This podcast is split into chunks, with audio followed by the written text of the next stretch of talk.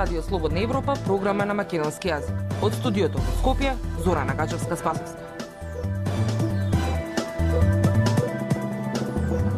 Почитувани, ја слушате емисијата на Радио Слободна Европа. Во неа објавуваме. По околу 400 бегалци на правдата со потерница трага македонската полиција. Жешкото синдикално лето ќе се одложи. Синдикатите најавија протести за во септември. Без дозвола на КФОР, Косово не може да ги користи безпилотните летала. Слушајте не. Независни вести и анализи за иднината на Македонија. На Радио Слободна Европа и слободнаевропа.мк. Околу 400 луѓе и побегнале на македонската правда. Поранешен премиер екс-разузнавачи, осудени за петкратното убиство кај Смилковското езеро пред десетина години. Осуден за насилен упад во собранието на 27 април. Се само дел од луѓето кои со години се бараат со меѓународни потерници. Македонската полиција со години трага по криминалци кои успеале да и побегнат на правдата. Најдолго се трага по осудениот за убиство Ацо Боцевски, познат во јавноста како Циганот. Потерницата за него е активна веќе 25 години. Некои од оние кои се бараат избегале од затвор, други пак не стигнале ниту за трешетки. Од правдата побегнале речиси 400 луѓе, покажуваат податоците на кривичниот суд. Она што бележи константен раст во изминативе години е листата на меѓународните потерници кои се објавени на веб страницата на Министерството за внатрешни работи за побегнати осуденици. До објавувањето на овој текст, на листата се евидентирани 103 бегалци на правдата за кои полицијата распишала меѓународна потерница. За повеќе од половина од нив, односно за 57 потерници се распишани во последниве 5 години. Виновникот за првата гангстерска ликвидација во центарот на Скопје сред ден и по 25 години од убиството е на слобода. Една од најстарите меѓународни потирница на веб страницата на Министерството за внатрешни работи е за осудениот Ацо Боцевски познат во јавноста по прекарот Ацо Циганот. Полицијата по него трага уште од 1998 година по пресудата за убиството што го изврши на Скопска улица убивајќи го Сеати Бреме. За ово убиство тој е осуден на 15 години затворска казна, но откако бил пуштен од затворски во домашен притвор, тој побегна од земјава. Ако се следи судската пракса, доколку полицијата не го пронеда Ацо наскоро, досудената пресуда нема да ја издржи. Односно, за 5 години извршувањето на казната ќе застари. За сега се активни 368 наредби за приведување во основниот кривичен суд. Оттаму објаснуваат дека овие наредби се однесуваат на централни потерници за издржување на затворска казна и за тие што не се одзвале на поканата на судот и тоа на дневна основа, што значи дека нивниот број е често променлив. Слабиот правосуден систем им овозможува на криминалците да избегаат на правдата, дели Стефан Богочаковски, професор од областа на безбедност и науки и кривично право.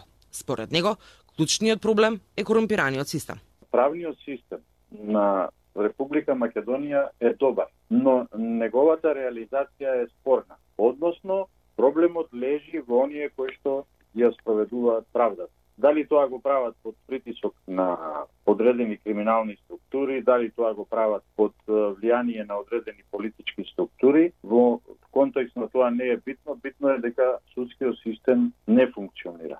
Највпечатливо име на прва проверка на листата е на меѓународни потерници е поранишниот премиер Никола Груевски по казната затвор од две години за случајот Тенк, за незаконската набавка на луксузниот автомобил од марката Мерцедес. Тој во 2018 побегна од Скопје во Будимпешта каде доби азил. Во одсуство го осудија за уште пет други дела поврзани со најголемата досега афера за прислушување. Професорот Бочаковски објаснува дека намерната погрешна примена на правото им дава простор на криминалците да ја напуштат државата. Проблемот не се е криминалците, проблемот е спроведување на правдата. Законите се добри. Осудениците што се во бегство може да ја избегнат казната ако помине извесен временски период до застарување на казната. Голем дел од бараните лица биле уапсени во странство и често пати преку правни и други лавиринти успеале да го избегнат испорачувањето во земјава. Токму затоа и потерниците по нив се уште се активни. Радио Слободна Европа, светот на Македонија. Договорот за повисоки плати во јавниот сектор ги подели синдикатите. Некои, меѓу кои и образование, се незадоволни од процентот за кој ќе се зголемат платите. Секторите кои протестираат бараат за 30% повисоки плати, а добија 10%. Дел од нив со изразувањето незадоволство ќе проложат од септември. Анализата за оваа тема ја подготви Пелагија Стојанчова. За дел од синдикатите останува жешкото синдикално лето. Делпа го оставија во мирување, откако падна договор со власта за зголемување на платите во јавната администрација. По низата протести и штрајкови на 10 јули, власти и синдикатите се договорија за зголемување на платите од 10%, плюс по 1000 денари регрес за годишен одмор или популарно К15. Но договорот ги подели синдикатите. Оти се незадоволни од процентот за кој ќе се зголемат платите. Јаким Неделков, председател на синдикатот за образование, вели дека освен најавеното зголемување од 10%, бараат и усогласување на платите со минималната. Така да ова лето ќе биде не само заради температура температурата надвор доста жешко, а есента веројатно уште пожешка ќе биде ако не најдеме заедничко решение. Вели Неделков. Неговиот синдикат е дел од Конфедерацијата на слободни синдикати, кои доставија дополнителни барања пред да биде подпишан новиот колективен договор во јавниот сектор. Но на барањата до сега немале одговор, па од Конфедерацијата не го подпиша општиот колективен договор. Повисоки плати треба да добијат вработените во државните институции, во општините, јавните установи, заводите, агенциите, фондовите. Според податоците на синдикатите, повеќе од 96% од вработените во администрацијата и правосудството примат плата под просечната, која изнесува околу 570 евра. Вработените во Царина, во управата за јавни приходи и судската администрација, кои и досега протестира, најавија дека со незадоволството ќе продолжат во септември. Тие бараат повисоки плати за 30%, плюс да им се исплатат додатоците за плата кои им следуваат со закон. Има огромна разлика во платите во судството, вели Јасмина Величкова, председателка на независниот синдикат за судска администрација. Службеник со судија со однос 1 спрема 5 и судија со стручен соработник 1 спрема 3. Доколку немци исполнат барањата, од 1 септември најавуваат генерален штрајк. Според договорот, околу 130.000 административци по високи плати ќе добијат со септемвриската плата. К15 ќе добијат во декември, а новата методологија за пресметка на платата ќе почне од март 2025 година. Оти треба да се усогласат закони и да се вметне во буџетот за што треба време. За да добијат зголемена плата од 10% во септември, па ќе треба да се прави ребаланс на буџетот. Актуелности свет на Радио Слободна Европа. Договорот со кој Украина може да извезува жито преку Црно море истече на полноќ во понеделник на 17 јули, а Русија објави дека се повлекува од договорот. Деталите за оваа тема ќе ги слушнете од Тамара Дическа. Украина е главен производител на житарки, маслодени семиња, а нарушувањето на незиниот извоз по избувнувањето на војната ги доведе глобалните цени на храната на рекордно високо ниво. Договорот склучен во јули 2022 година, пет месеци по почетокот на војната, помогна да се намалат цените и да се улесни глобалната криза со храна. Украинското жито исто така одигра директна улога со 725.200 тони или 2,2% од залихите испорачани преку коридорот што го користи Светска Светската програма за храна на Обединетите нации за помош на земјите како Етиопија, Сомалија и Јемен. Цените на житото и маслодајните семиња веќе благо порасна како одговор на веста дека Русија ќе го прекине учеството во договорот. Зголемувањето ќе доведе до поскапување на основните намирници, како лебот и тестенините, во наредните месеци.